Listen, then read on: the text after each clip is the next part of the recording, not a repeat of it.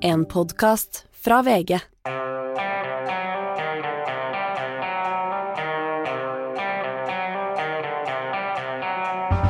Ikke visste jeg at alle disse dagene som kom og gikk, de var selve uke 11. Eh, en, en litt kronglete uke, vil jeg si på mange måter. Hva mener du, Sindre Heyerdahl? Ja, helt enig. Kronglete, turbulent og, Full av og veldig skiftende. Ja. Full av snø også. Så det er vanskelig å ta seg fram i denne uka her, rett og slett. Ja, Men som deg har jeg også fått meg en skitur, så det er jeg veldig glad for. Nemlig. Det er, eh, det er jo det som, som gir eh, lys i sjelen. Absolutt. Jeg skal ut og gå på ski nå, jeg, dette snøværet, når vi er ferdig her eh, i dag. Må du nesten brøyte egne spor, da. Ja, jeg skal gå over det vakre Lyseren i Enebakk øh, øh, på ski, så det tror jeg blir litt sånn polopplevelse. Tøft.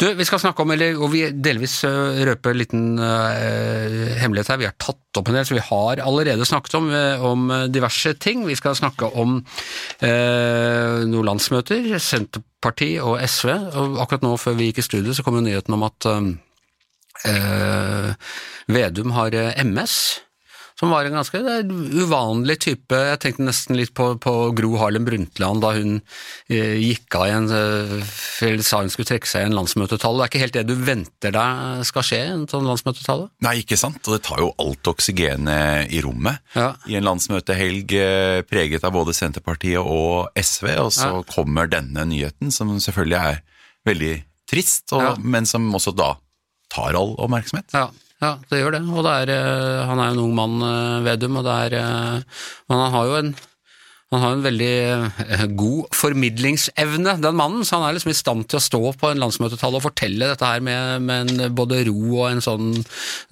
som innbyr til en slags trygghet òg. Absolutt, og han har jo et eh, fantastisk grunnhumør, eh, Trygve Slagsvold Vedum, og det kan vi virkelig håpe hjelper han eh, her også. Det er et godt utgangspunkt for den, den kampen der. For han har eh, mye foran seg, skal snakke mer om det litt seinere. Så er det SV som eh, har landsmøte, det skal vi innom. Selvfølgelig skal vi snakke om woke, dette viruset som ifølge amerikanske presidentkandidater er verre enn eh, korona, nei, korona, jo, koronapandemien. Og så har vi en eh, spesialgjest fra USA som eh, skal både snakke om valgkamp og om eh, ja, woke-virus og, litt av hvert derfra. Men aller først så må vi jo prate om, Sindre, bankkrisen. Forrige uke så gikk en bank i Silicon Valley over ende. Noen mener det var pga. woke. Eh, eh, så gikk det en amerikansk bank til, og denne uken så har det altså gått en eh, relativt viktig altså Dette var jo middelstore banker, og, og viktig nok aldri bra når banker faller over denne, men nå, denne uka var det verre. Denne uka var det verre, og denne gangen så spredde denne uroen og, og disse ekstremt nervøse markedene seg fra USA også, og over Atlanteren til Europa. For det henger sammen, dette. Det gjør det. Og bankene er jo økonomienes sentralnervesystem. Med lån mellom seg og lån til bedrifter og folk flest, så er det jo på veldig mange måter de som regulerer hele temperaturen i verdensøkonomien. Og, og frykten er jo at hvis én kollapser, så velter andre som, som også har forgreininger inn, og som kanskje er investor i én bank. Så, så alt henger sammen med alt som Gro Harlem Brundtland eh, sa når det Og gjelder som bank. vi merka under finanskrisen i 2008, da liksom følte at de begynte å rakne opp et sånt teppe omtrent. Ja, ikke sant. Og hele forretningsmodellen til banker òg er jo å få inn innskudd, og så låne videre ut. Men hvis mange nok kunder tar ut pengene samtidig, så står ingen bank trygt heller. Nei, er det det som skjer nå? Ja, i, i en stor grad, og så er det jo veldig mye frykt, tror jeg også fordi at børsene faktisk ligger på nesten rekordhøye nivåer i mange land, særlig i Europa. Eh, og da er de jo sårbare for dårlige nytt. Vi vet jo fra før at vi har brennende inflasjon og mange utfordringer.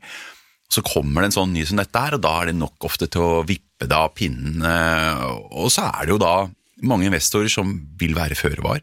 Bedre å trekke pengene ut og avvente enn å sitte i det og risikere nye kollapser. Så dette Er er det ikke nå du skal vise risikovilje og gå all in og kjøpe på tilbud? Ja, jo, jo, noen vil jo si det òg, og eh, det er jo ingen tvil om at vinnere i aksjemarkedet over tid, de gjør andre ting enn den gemene hop, så sånn sett så kan det kanskje være noe. Hva tror du her hjemme, boligmarkedet eksempel?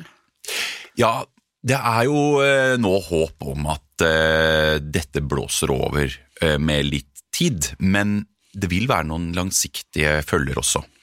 Og én er at uh, dette understreker hvor sårbar verden er, og hvor sårbar verden også er for disse aggressive rentehevingene uh, som sentralbanken har anført at den amerikanske har uh, holdt på med nå i en god stund. Um, Vi har sett det mange ganger før i historien også, hvordan da ofte den blott sentralbankenes aggressive hevinger blottlegger sårbarheter, finanstrøbbel, boblesprekk. Eh, Pyramidespill. Ja, det vil også noen si. Og, og, og, dermed så tror jeg at sentralbankene nå har fått en kraftig påminner om at de må gå litt roligere frem. Mm. Eh, at de eh, ikke kan bruke fullt så skarp lut mot inflasjonen som de har gjort. Det blir jo en hårfin balanse, for det er mm. fortsatt mye mm. inflasjon. Men når du da spør om norske boligmarkedet, så er det jo nå utsikter til at rentetoppen også i Norge blir litt lavere enn den ellers ville vært. Mm. Fortsatt skal vi nok eh, litt opp, men ikke like mye som mange trodde. Og da er jo heller ikke eh, utsiktene at boligmarkedet vil falle fullt så mye når det ikke blir så Nei. dyrt for folk flest. Nei. For nå hva hadde vi utsikter til at eh, renta skulle eh, stige voldsomt, og så ser det ut som den kanskje ikke gjør det likevel. Ja, ikke sant. Vi skal jo ikke mer enn et par uker tilbake, så trodde de fleste, fleste tallknusere at eh, den norske styringsrenta skulle opp mellom to og fire ganger til. Mm. Og tror jeg de færreste Nå, tror, tror på mer enn én eller maks to. Ja. Så du tror kanskje ikke krisa blir så ille? Nei, jeg si tror det er ord, Sindre. Det blir ja, ikke så ille. ja, og veldig trøstens ord fra finanskrisetider er at siden finanskrisen så har det blitt mye mer reguleringer. Eh, de fleste myndigheter stiller mye strengere krav til bankene sine, ikke minst i Norge.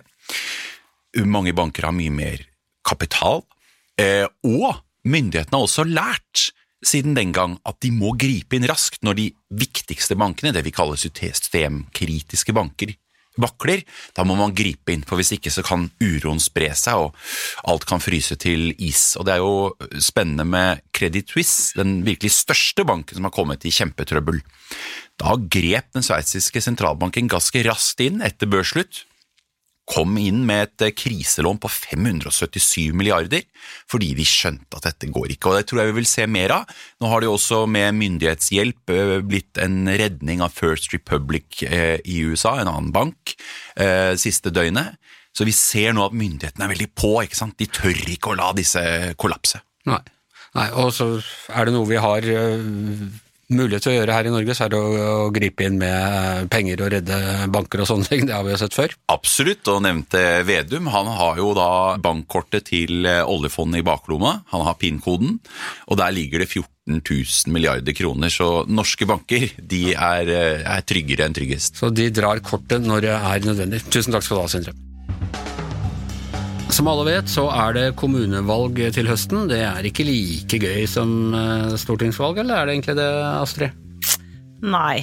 Nei. Det er, det er jo ikke det. Nei. Det er litt generalprøver, liksom. Ja, Men eh, for eh, mange er det jo gøyere. De kan jo bli ordfører, de kan komme inn i kommunestyret, de kan få bedre oppslutning enn på de nasjonale målingene til stortingsvalg. Og så er det morsommere enn de årene det ikke er noe valg i det hele tatt. Og så må vi jo si at i år blir det et Eh, er det litt ekstra spennende nettopp fordi det dreier seg om bl.a. Eh, Senterpartiet, som jo er eh, kommunevalgsjefene over noen, og ordførerpartiet og, og i det hele tatt.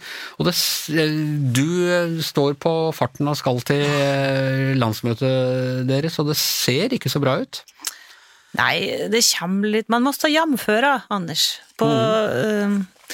Tidligere landsmøte, det forrige landsmøtet, så, så lanserte jo Senterpartiet Trygve Slagsvold Vedum som statsminister. Så høy på pæra var de da. Ja. Det kommer ikke til å skje, for å si det mildt, i Trondheim i helga. Det blir ikke noe statsministerlansering. På den annen side, den, på den tida hadde de langt høyere oppslutning enn dagens statsminister har i dag. Ja, det er sant. Men nå legger de jo på jevnt på 6% og det er jo tross alt ikke så dårlig. Det er kjempedårlig i forhold til det, eh, de toppene som de har hatt eh, eh, de siste åra. Men det er ganske normalt for Senterpartiet. Husk på når de gikk ut av den, da de gikk ut av den rød-grønne regjeringa i uh, Jens Stoltenberg-regjeringa, så var de nesten Jeg lurer på om de var på 4% så det er ikke det verste målingene de har hatt, og det er langt verre for Arbeiderpartiet. Det kan se ut som om de de kan miste, ifølge meningsmålingene. Det er ikke valg, meningsmålinger selvfølgelig, men, men det ser ut som de kan miste ganske mange ordførere. Ja, det er jo for eksempel som Roar Hagen er påpasselig med å minne oss på hver dag. Eh, stor misnøye med de økte skattene og avgiftene på Vestlandet f.eks. Eh, lakseskatten er kjempeupopulær oppover eh, på nordlandskysten òg. Eh, og kraftbransjen er sur på dem, og tenk på alle de kommunene i Norge som er kraftkommuner. Jeg lurer på om det er to, over 200 kommuner. Eh, og kraftselskapet eies jo av kommunene ofte, Ja. så de er sur. Så, så Tjener ikke de gode penger for tida? Ja, de tjener jo gode penger, da, men de vil jo ha mest mulig av de sjøl. Vil ikke betale skatt til, til Oslo. Eh, så, så det, det er litt uh, misnøye. Men jeg tenkte på en ting, Anders, at eh, velgerne har egentlig fått det de ba om med Senterpartiet. Hvis du ser på lista over alt de har reversert, så begynner den å bli ganske lang. Ja, nemlig. For jeg skal akkurat det jeg snakket om. De, de var, gikk jo til valg på å være reverseringsparti. Ja, og de har innfridd valgflesket mm, på god vei. Altså, det er regioner eller fylker da, som ble lagt ned, som gjenoppstår. Det er kommuner som gjenoppstår. Så der har de jo reversert Erna Solbergs kommunereform. Politireformen har de jo eh, lovt at de skal reversere. Gamle mm, tjenestesteder gjenoppstår med Senterpartiet som, som har justisministeren. Og ja, med domstoler og sorenskrivere? ja, de er i gang med å reversere domstolsreformen til Erna Solberg òg. Tingretter skal gjenopprettes. eh, Har ikke blitt noe konkret eh, på den, men de, de jobber med saken. Eh, I tillegg så har de jo mm, reversert den der pendlekuttet som Erna Solbergs regjering gjorde, sånn at pendlere får mer penger. Og, og så denne uka her så kom de jo med, med ekstra penger til de som eh, tar fly i distrikta. Og så har du jo gjort eh, Ja, at det skal bli billigere flybilletter i Norge, rett og slett? Ja, i, i- i Nord-Norge særlig, og på Vestlandet. Og så gratis ferje.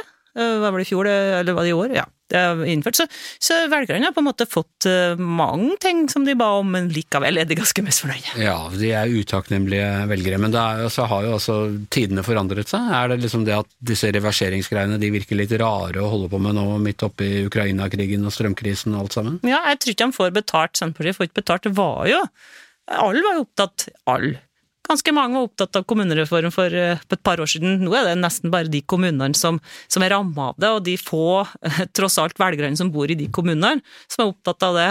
Sammen med Viken og regionreformen, det er veldig få som er opptatt av det. Nå er det inflasjon, matpriser, krig. Tidsånden er en helt annen, så jeg tror at eh, selv om Senterpartiet har innfridd mange løfter, så får ikke de så godt betalt fra velgerne. Men øh, de, alle disse velgerne de da, i hvert fall på papiret, har mista, øh, hvor har de gått hen? Eh, Det var jo faktisk en del som gikk til Arbeiderpartiet på den siste saken som vi har, men ellers så er det jo mange som går til gjerdet, eller sofaen, eller eh, ikke eh, elger lenger. Og så er det jo en del som går til Frp og høyresida. Høyre er jo gigantisk, de har 36,9 nylig på en eh, måling, som var litt historisk. Ved å bare sitte rolig. Ja, ikke sant? Ja, ja. Mm. Et parti som det går langt bedre med, men som eh, også har landsmøte denne helgen, det er eh, SV, eh, Hans Petter. De, ja, om det var grepet deres, eller om det var eh, eh, eller om det var at de bare ble skvisa ut eh, under regjeringsforhandlingene i forfjor høst, så har de i hvert fall tjent godt på å stå utafor og være støtteparti. De, eh, de får gjennom sak på sak på sak, og de har eh, eh, knapt stått eh, stødigere enn det de gjør nå. Men nå skifter de leder. Midt i suksessen, er det et smart trekk? Ja, det var litt overraskende kanskje at han eh, Dun Lysbakken eh, her eller går av nå. Jeg syns kanskje at han har ikke sittet så fryktelig lenge. Det er jo andre som har sittet mye lenger eh, i, i norsk politikk. Så, så det er jo litt dristig av dem, da, men samtidig så gir han jo seg på topp. da Han etterlater seg et, et parti som eh, for SVs del nesten aldri har vært så samla som nå. I hvert fall sett fra utsida så virker det som at det er fryd og gammen og, og stort sett Ja, det er veldig lite fløykamp og lite bråk, da. Eh, Så sånn sett så er det jo Har jo Lysbakken åpenbart gjort et, en god jobb, og han eh, kommer til å etterlater seg et parti som, som, som er, er, full av selvtillit, og som, som, er veldig godt plassert. Da. Jeg må si at Det rareste vet du, å høre på Arbeiderpartipolitikere nå for tida altså, Før var jo SV sett på som en sånn litt sånn rar liten lillesøster som de egentlig ikke noen i Arbeiderpartiet likte så veldig godt, men nå står det jo Arbeiderpartipolitikere på TV og nærmest trygler SV med å komme inn i regjering for å redde de sosialdemokratiske stumpene, så det, har, det er nye tider. Uh, og SV gjør som du sier, er så oppsiktsvekkende bra på målingene, syns jeg. De ligger jo snuser på 10% og det for SV så er det ganske uvanlig høyt, da. Ja, men dette minner meg litt om uh, situasjonen for Det kongelige norske Arbeiderpartiet da, da Jens Stoltenberg gikk av. Gir seg på topp, gode målinger, uh, alt er fryd og gammen, og så vet vi hvordan det gikk. Ja, men det, Stoltenberg trakk jo seg etter et valgnederlag, da, i, i, det minste. Og, og, i hvert fall et, per, et liten stykke etter, etter uh, valgnederlaget. Så hans tid var på en måte litt sånn naturlig over.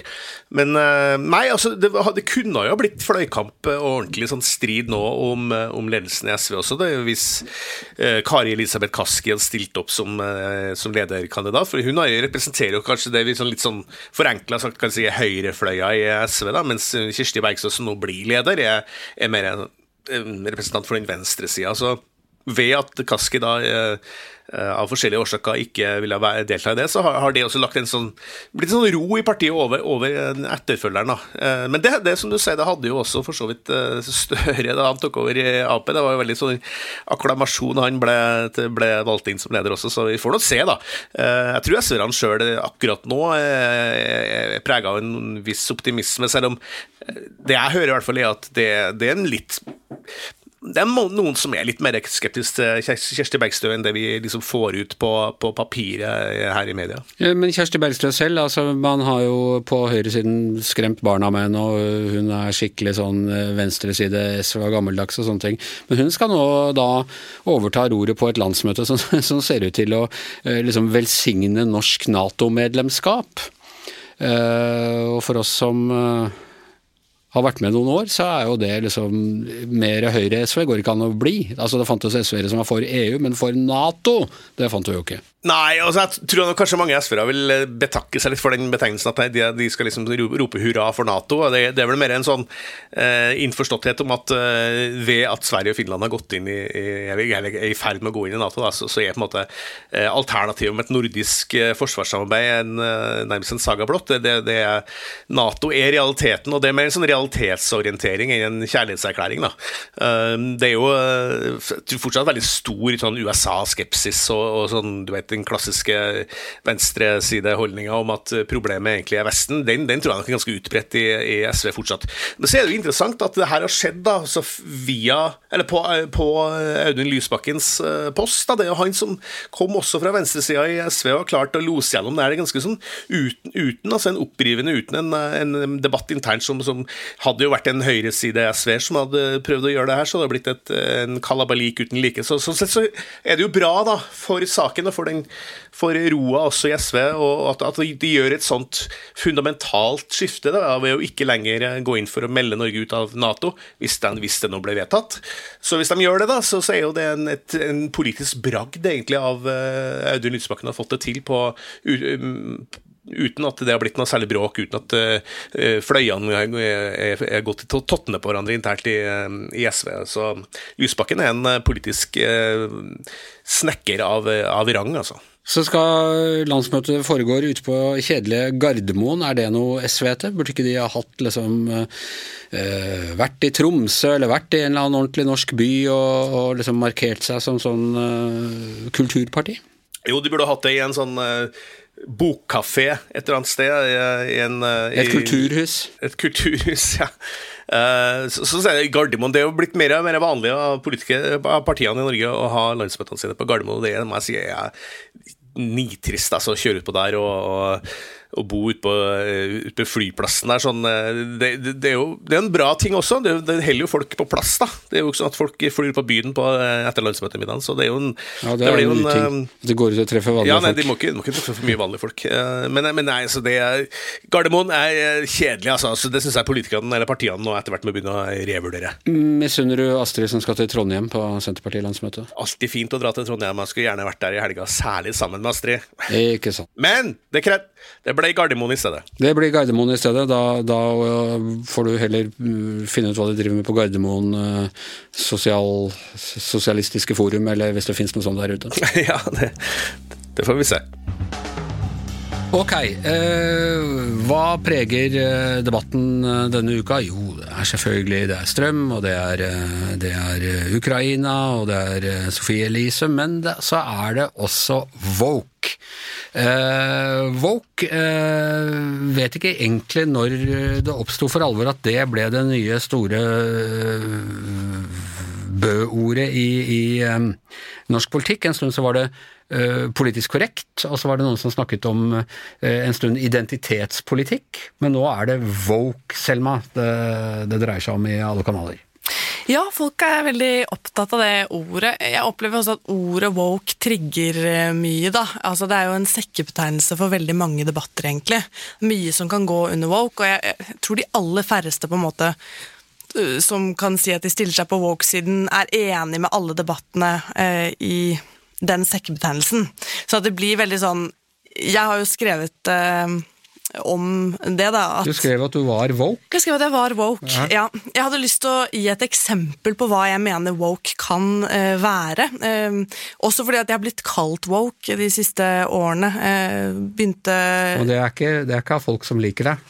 Nei da, nei da. eh, det brukes eh, 99 av, eller egentlig 100% av tiden som en slags sånn eh, Skjellsord? Skjellsord. Ja. En fordummelse. Um, og jeg syns det er litt interessant at jeg er blitt kalt woke, fordi at jeg har jo aldri egentlig vært uh, noe involvert i noen sånne uh, debatter som har handlet om uh, at jeg ønsker at noe skal fjernes eller rives eller noe sånt. For det er det man forbinder litt med det. altså Det er folk som, eh, folk som liksom er veldig ute etter at du skal ikke bruke de og de ordene, og du skal ikke gi en talestol til folk som sier det og det, og sånn litt sånn streng eh, Mangfold er veldig viktig, sensitivitetslesning, ingen skal bli fornærma, liksom. Ja. Eh, og det skal vi legge oss veldig flate for. Og så fins det jo noen nyanser inni der. Eh, Jeg tror første gangen jeg ble kalt woke, var i den JK Rowling-debatten, eh, hvor jeg sa at det var viktig også å lytte til transpersoner i den debatten. At det var veldig mange som opplevde at de ble truet på livet og sånn når de var med i de debattene. Fordi at det var noen eksempel Anke Gerhardsen sa at hun var så veldig redd for ytringsfriheten, og da syns jeg det var et paradoks at det var så mange transpersoner som jeg snakka med, som ikke turte å stille til debatt. Um, og sånne liksom nyanseringer som jeg opplever at egentlig er ganske sånn selvsagte, hvis det blir woke Derfor så skrev jeg er det meg dere er redd for, da? Er det jeg som er dette woke-spøkelset? Fordi i norsk debatt så opplever jeg at det har blitt ganske mange samfunnsdebattanter som har dette som sitt hovedformål. De kaller det for woke-aktivister. Um, og jeg lurer litt på hvem de woke-aktivistene egentlig er. Og når du gikk ut da og erklærte deg selv woke med, med visse forbehold, eh, situasjonsbestemt woke rett og slett, eh, så fikk du ganske mye kraftige reaksjoner. Eh, ja, eh, det har vært mye reaksjoner, og det visste jeg jo. Man legger jo hodet på blokka liksom, når man skriver et sånt innlegg, så det var jo eh, Jeg satte jo ting på spissen, og gud forby å gjøre det som ung kvinne, altså. Ja. Der skal alle Jeg har jo satt ting på spissen, kan vekke reaksjoner for noen og enhver, men en, del av det du fikk, vil jeg si er ren hets. Altså det er øh, ganske drøye beskyldninger og, og ønske om at du skulle miste jobben, og du burde ikke hatt denne jobben, og, og egentlig litt det jeg forbinder med det man beskylder woke-folket for. Altså det, Ja, folk, folk ville kansellere og deplattforme det.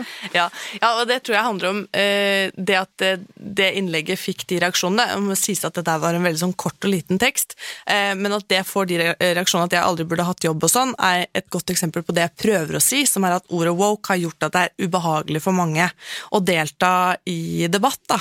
Eh, jeg opplever at det er veldig få som har lyst til å kalle seg woke, fordi at de er så redd for å bli tatt av disse folka som er så veldig redd for woke-aktivistene. da.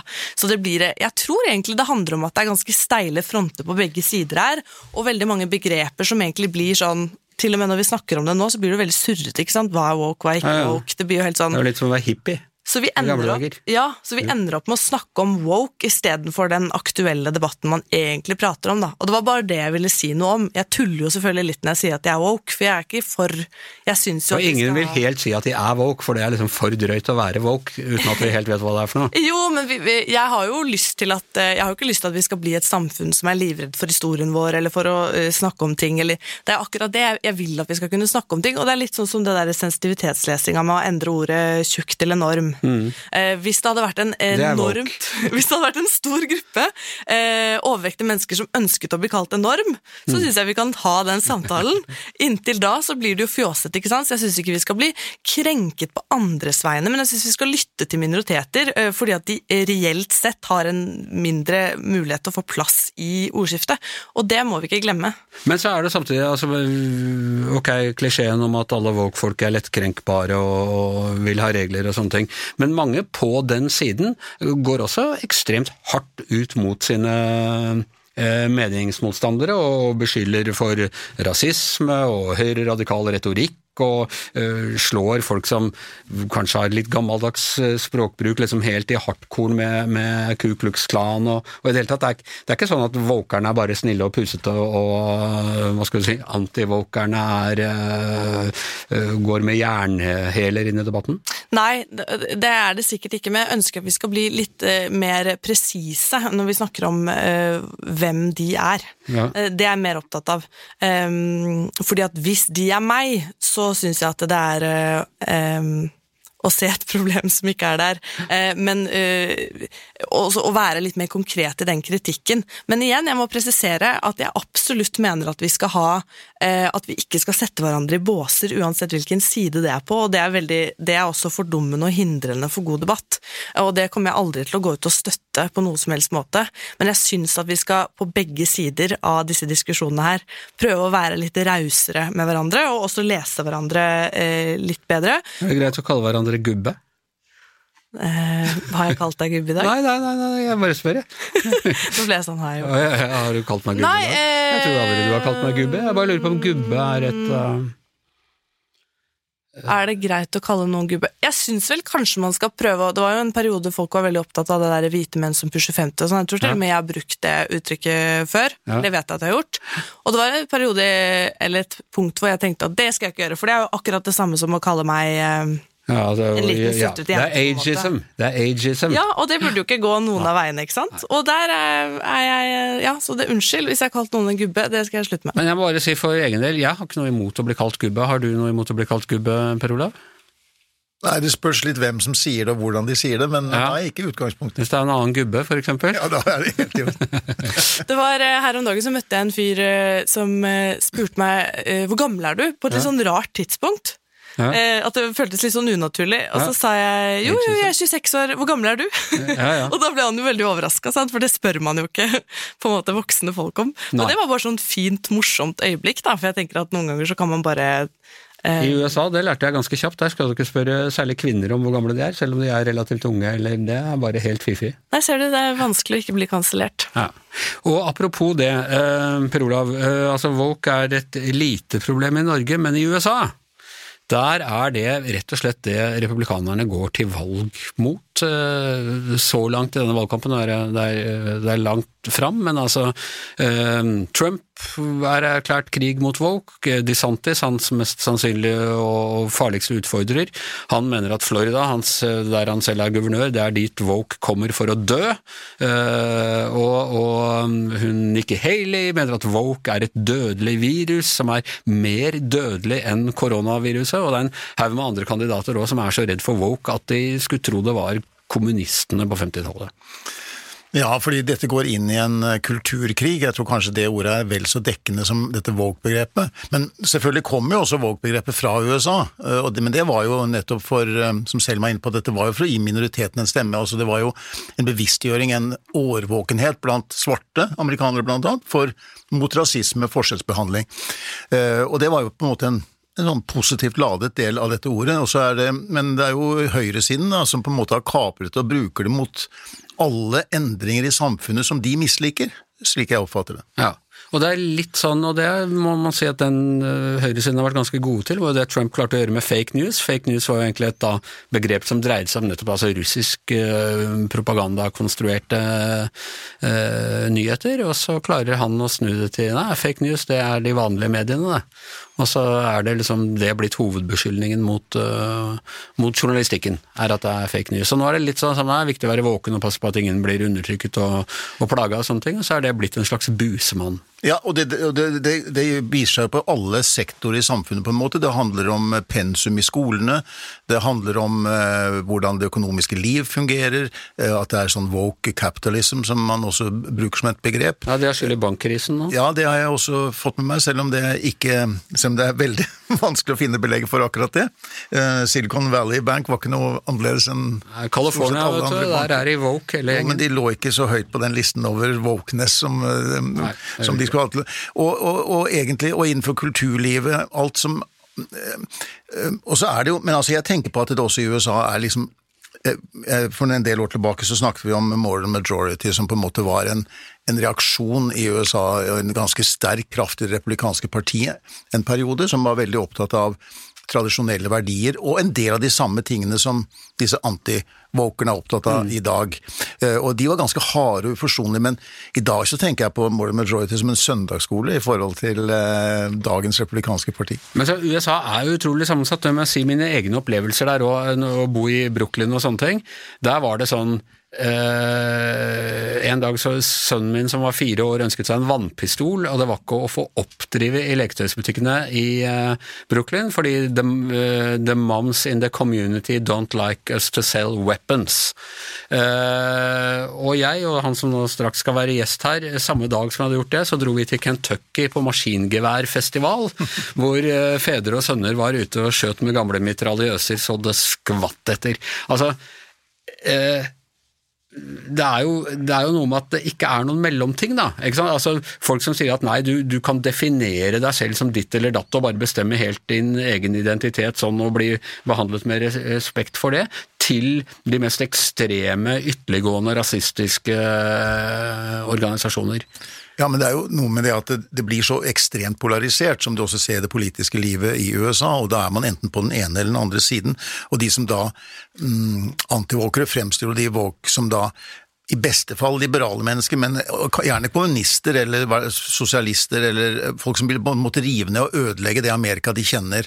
Eh, Så det er jo en, en form for en reaksjon da på um, at det, det det ofte reageres på, er jo sånne ting som at man Et, litt mer, et mer inkluderende samfunn, um, modernitet på mange måter, som reaksjonen er rettet mot, tenker jeg. Men mye av dette starta liksom nettopp med, med språket og dette med politisk korrekt. Det gikk jo på at liksom, i universitetsmiljøer og sånne ting så skulle du, skulle du lage litt forskjønnende øh, ord på, øh, på alle mulige ting. Og det er øh, Det kan oppleves som anmasende hvordan liksom, noen sånn akademiske typer kommer løpende etter deg uansett hvordan du snakker og skal øh, sensitivitetslese deg og, og ommøblere på, på språket ditt. Ja, men samtidig så er det jo altså det, det går på, som sagt på alle områder, og noen ganger så bryter det litt på tvert. altså Vi snakket om det tidligere, Nikki Haley som var guvernør, ikke sant? hun gikk jo inn for å fjerne sørstatsflagget, mm. og fikk flertall for det i delstatsforsamlingen. Eh, Altså det gamle flagget til konføderasjonen som betydde slavehandel og, og Ikke sant? Ja. Og samtidig så Og det ble jo også da på en måte Det er også liksom litt woke da, skulle fjerne um, helter fra sørstatene og symboler fra sørstatene. Litt som å rive statuer av gamle generaler og sånn. Men samtidig så kommer hun nå ut og sier at woke er verre enn uh, den verste pandemi. Eh, så, Og pandemien i USA har kostet over hun- mange, en million menneskeliv. Ja. ja, så da kan du bare tenke deg hva Woke kommer til å koste. Ja, Forferdelig skremmende perspektiver. Det er det, det er det. Og det gir en fin overgang til eh, vår neste gjest, eller eh, ukas hovedgjest er min gamle venn og kollega, og Per Olavs gamle venn og kollega, Thomas Nilsson. Velkommen. Takk. Hei. Fotograf i eh, VG, for VG i, i New York i over 20 år, og du har vært der, altså du er jo fra Stockholm, men du har vært i USA siden, var det 98? Eh, 97. 97, ja. Så over et kvart århundre, over et kvart århundre Ja. som journalist og fotograf i, i eh, USA. Ja, jeg hadde tenkt stanna et par år, men jeg ble kvar. Ja, så eh, sånn kan det gå. Du og jeg jobba sammen i tre år fra 2008, og vi starta da med eh, Oba, inn, det- innspurten på valget av Obama i 2008, eh, da følte jeg liksom at nå er USA oppe og fullfører hele sitt eh, potensial, og, Martin Luther King og Kennedyene og, eh, og i det hele tatt. Og så ble Obama valgt, en fantastisk, eh, fantastisk uke i eh, Chicago, og så ble han vel en president kanskje litt på det jevne, får vi vel si, men allikevel, det, det viste noe.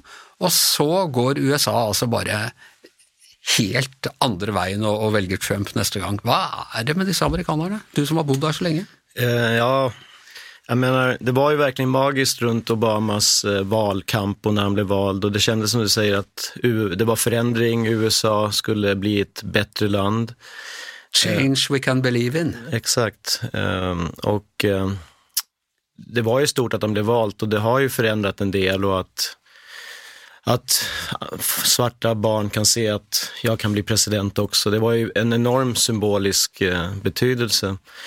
Men som allt så svänger ju pendeln i USA. Ofta har den gjort det tidigare också då. Och eh, jag tror att eh, Trump hade blivit vald om, det, om inte Obama hade blivit president. Det var ju jag brukar säga eh, förtäckt rasism som startade Trumps eh, kampanj, då, men då brukar folk rätta mig och säga att det var inte ens förtäckt, då, men han var ju en sån birther, eh, han eh, ifrågasatte om Obama var född i USA och gjorde en ganska han var i media mycket och pratade om det i början innan han började säga att han skulle ställa till val. Då, och det var ju det som grundlade hans popularitet bland de som var så kritiska till Obama.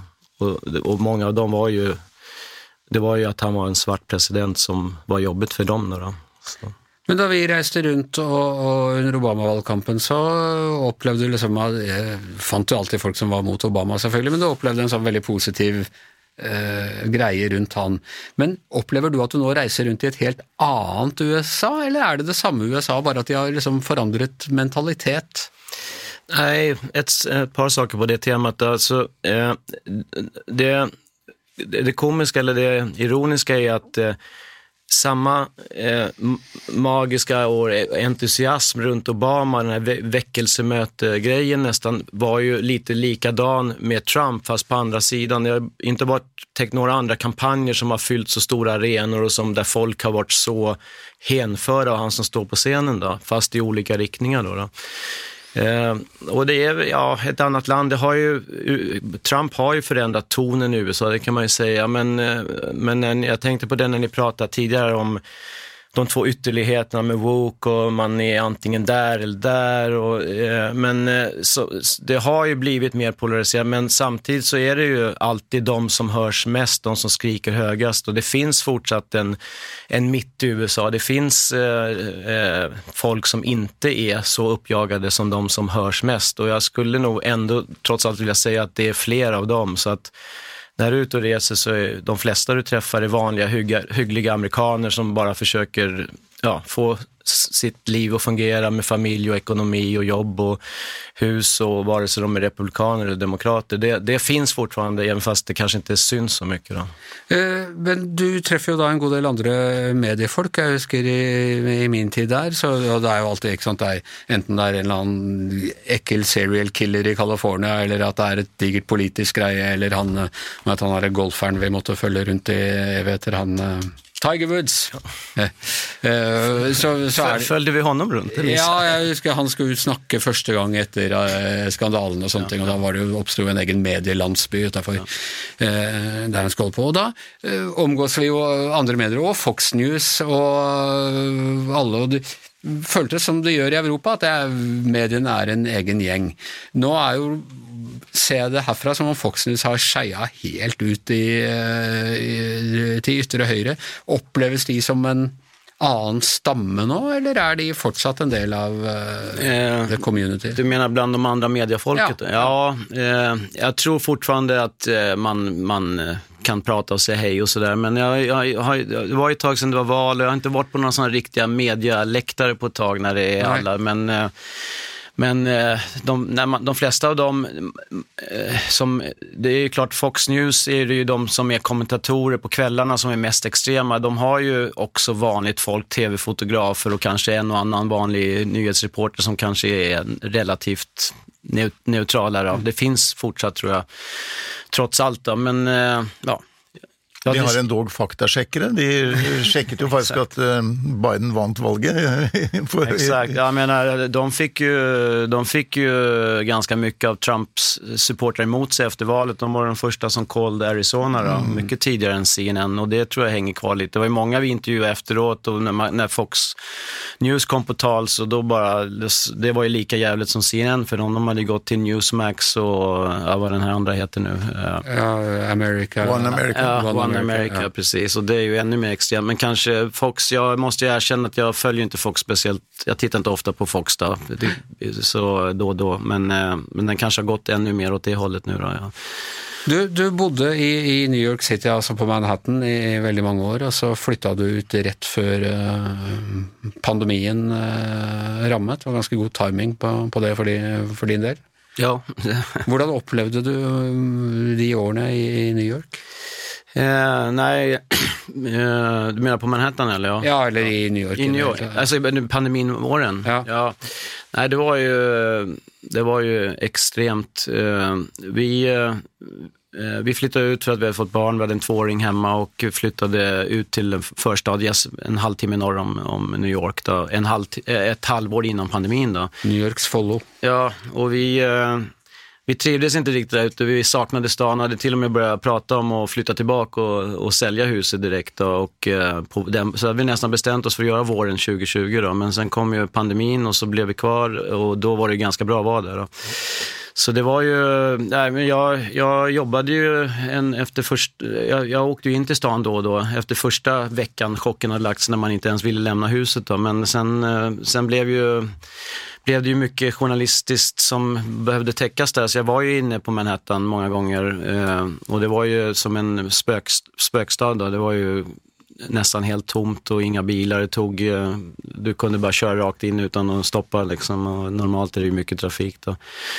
Så det var en uh, veldig merkelig känsla då och, uh, eh, och ibland när jag träffar folk kanske i Sverige eller Norge och man, vi höll på med våra munbindlar och, liksom det var, och man tänkte, svenska vänner så var liksom det där inga. Men, men klart i New York, det var ju det var en global pandemi som alla drabbades av men i New York var, var ju väldigt, väldigt hårt drabbat då, det var ju Eh, när man såg kylbilarna stå utanför sjukhusen för att eh, likrummen var fulla på sjukhuset och, och gatorna helt tomma i Manhattan. Och, och, och jag var ju på begravningsbyråer och på begravningar själv. Det är klart, eh, ja, man, man, man kan diskutera om munbindel hjälper inte, men då jag i alla fall, och sen när jag började flyga ganska snart också, man, man såg till att den var så tät som möjligt. Eh, Når du er her, Thomas, så kommer jeg til å tenke på at du var jo også i oss selvfølgelig på 11. september i 2001, og du jobbet jo med det, og det er noe som Vi jobbet begge med det, men da var det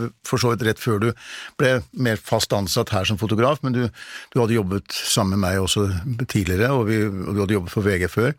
Og det var jo en av disse virkelig, må ha vært en av disse virkelig store hendelsene også i, den, i, den, i de mange årene du har bodd i New York. Og jeg, og jeg tenkte også på det at vi hadde jo Jeg hadde jo gleden av å reise sammen med deg ti år etter. Altså Vi dro tilbake til disse tre åstedene, altså både på Manhattan eh, og i Pennsylvania, der det flyet styrtet, og også da i Pentagon, som var disse tre åstedene på en måte på 11. september. Eh, Og det gjorde jo et veldig inntrykk, og det er jeg sikker på det også er noe av det som har preget ditt opphold der borte. Ja, verkligen. Det var ju, när det skedde hade jag bott eh, fyra år i New York då, och eh, det är ju en av de, såklart de största nyheterna som jag har bevakat. Men, eh, Og du var nede i distriktet da, Ja. det andre tårnet raste sammen? Exakt, jag såg det första planet från min lägenhet i Midtown och skyndade ner och eh, båda, båda tornen stod och var träffade. Det andra planet träffade medan jag var på väg ner och, eh, och sen när jag kom ner så, så såg jag ju båda tornen där och man förstod ju direkt att det var en terrorattack och, och sen så efter jag hade stått där i 20 minuter så rasade första tornet och det var ju dramatiskt såklart och jag var tvungen att springa och hoppa in i ett hus för att ja, förklara mig helt enkelt. Det var ju ganska eh, traumatiskt då. Men, eh, och, men också inte bara den dagen som var eh, kanske en av de ja, väldigt in, intens dagar, men även veckan och månaden efter var ju väldigt annorlunda speciella och det finns ju lite paralleller med pandemien pandemin där för att det var ju Dels den grejen att någonting hände i din egen bakgård där du bor. Som journalist och fotograf man van, man sticker någonstans, det är en katastrof, någon, någon stor nyhet, någon breaking news. Men här var det hemma och det, det, man påverkas lite hårdare av det. Och sen hela den hösten i New York var ju väldigt eh, dyster. Det brann ju, pyrde ju den här branden nere på Grand Zero ända fram till december och det kände ju eh, lukten av bränt, bränt brand och lik ibland. Och, eh, eh, och det var ju tomt, det var inga turister, det var ju helt tomt i hela stan. Det var ju, eller det var ju inte helt tomt, det var ju New Yorkers där, men det var mycket, mycket färre människor än vanligt. Då. Mm. Det var ännu tommare under pandemin, då, då var det ju inte ens New Yorkersna ute. Då. Men, men det, det, är den parallellen att det blir lite som spökelseby-feeling och att man inte känner igen stan. Då. Och New York, är ju, det ska ju sägas att det är, det är ju inte tillbaks till 100% ännu. Då. Det är ju, har ju bättre än det var för ett år sedan och två, men det är ju fortfarande lite halvtomt. Det, nu har turisterna börjat komma tillbaks, men det är färre. Var och varannan butikslokal är stängd, några kaféer är stängt, något öppet, men det är fler tomma, igenbommade business, speciellt sådana små lunchställen i Midtown där. För det, och mest beror det på att eh, det är så mycket färre kontorsarbetare i stan. Då. Det är ju, jag vet inte hur många som kommer in och ut varje dag till New York, det är säkert en miljon eller två som om inte mer, som jobbar på kontor. Och nu med, är det många som jobbar hemma istället, kanske jobbar en dag, två dagar på kontor. Folk har re, relocated och, och det märks verkligen i New York. Alltså. Hvis jeg har telt riktig, så har du dekka sju amerikanske presidentvalg. Eh, to Busher, eh, to Obamaer, én eh, en Trump. Og, ja, det blir din sjuende. Ja. ja. det blir min sjuende, ja. ja precis. Hva tror du? Hvem blir president? Eh, jag gissar ju alltid fel, så, men, eh, men eh, ja, nej, men det är ju... Jag husker det var lang tid før du kunne tro, virkelig tro at det var Obama. Du holdt igjen hele tiden. Exakt, og jeg trodde ikke Trump kunne vinne. Og, men altså, det er jo Biden har ju ändå inte sagt at han skal ställa, men det meste tyder vel på at han skal. Och... Så det er ju frågan om hvem som blir republikanerna. Det är ju, jag ser ju bara att Trump ställer ju och, det, och DeSantis har ännu inte sagt det, men han är väl den enda realistiska utmanaren. Men jag tror han kommer få svårt att vinna över Trump i primärvalen, för Trump har en ganska stark eh, hållning på sin kärngrupp av fans och i primärvalen behöver du ju ofta inte ha kanske mer, eh, fe, över 50 procent.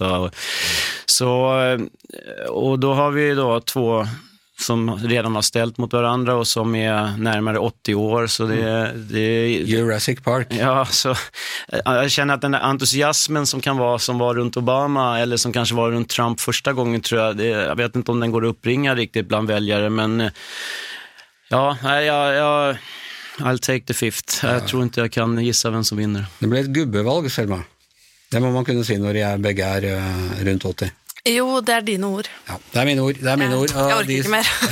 de står jeg uh, inne for. Uh, jeg misunner deg, Thomas, som skal uh, dekke eh, det valget fra A til Å. Gleder du deg, eller? Ja, jeg gleder meg mye. Det er alltid spennende med amerikansk politikk, for det påvirker hele verden. Og også at eh, prosessen er så lang, hvilket kan man være kritisk mot, men det er også du kan komme dem nära, speciellt rundt primärvalen i New Hampshire, mm. Iowa och de är ute i gymnastiksalar, ute på pensionärshem och hälsar på folk. Och det, är, det är liksom en lång demokratisk process som är fascinerande för mig. Jag såg ju Trump sammen med dig oppe uppe i ja, var det Iowa i 2016, ja. og han plutselig begynte å si og der er det lying media begynte å peke på oss, vi sto i en liten krok. Han var jeg litt utrygg, altså. Exakt, det, ja, nei, det, har, det har man fått høre noen ganger på Trump. Trump ja, du mer vant til det.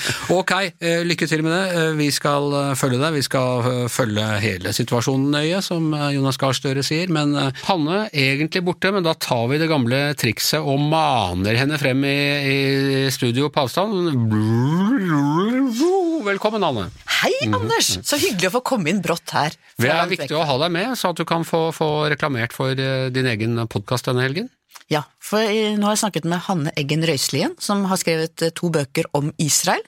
Hun har vært masse der og er religionshistoriker. Vi snakker om Israel bredere og annerledes enn det som er vanlig. Hun ser jo Israel som veldig bredt, ikke sant. Det er jo ikke er jo ikke bare liksom palestinere mot israelere, det er, du har det ultraortodokse, du har de liberale, du har en forferdelig regjering, du har Ingen steder i verden tror jeg det er mer kritikk mot israelsk politikk enn innad i Israel. Det er en veldig fin samtale. Hvordan er det hun har eh, studert? Har hun bodd der? Er hun eh, Hun har bodd der i lange perioder, hun har forsket på det, hun har skrevet eh, bøker om det, og hun kan veldig mye om den regionen. Og ser den litt annerledes enn det veldig mange andre gjør. Ok, det blir eh, spennende å høre.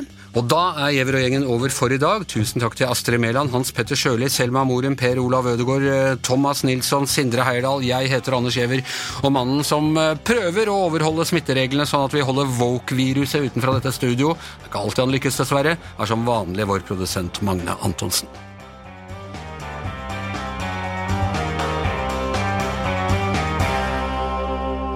Du har hørt en podkast fra VG. Ansvarlig redaktør, Rikard Steiro.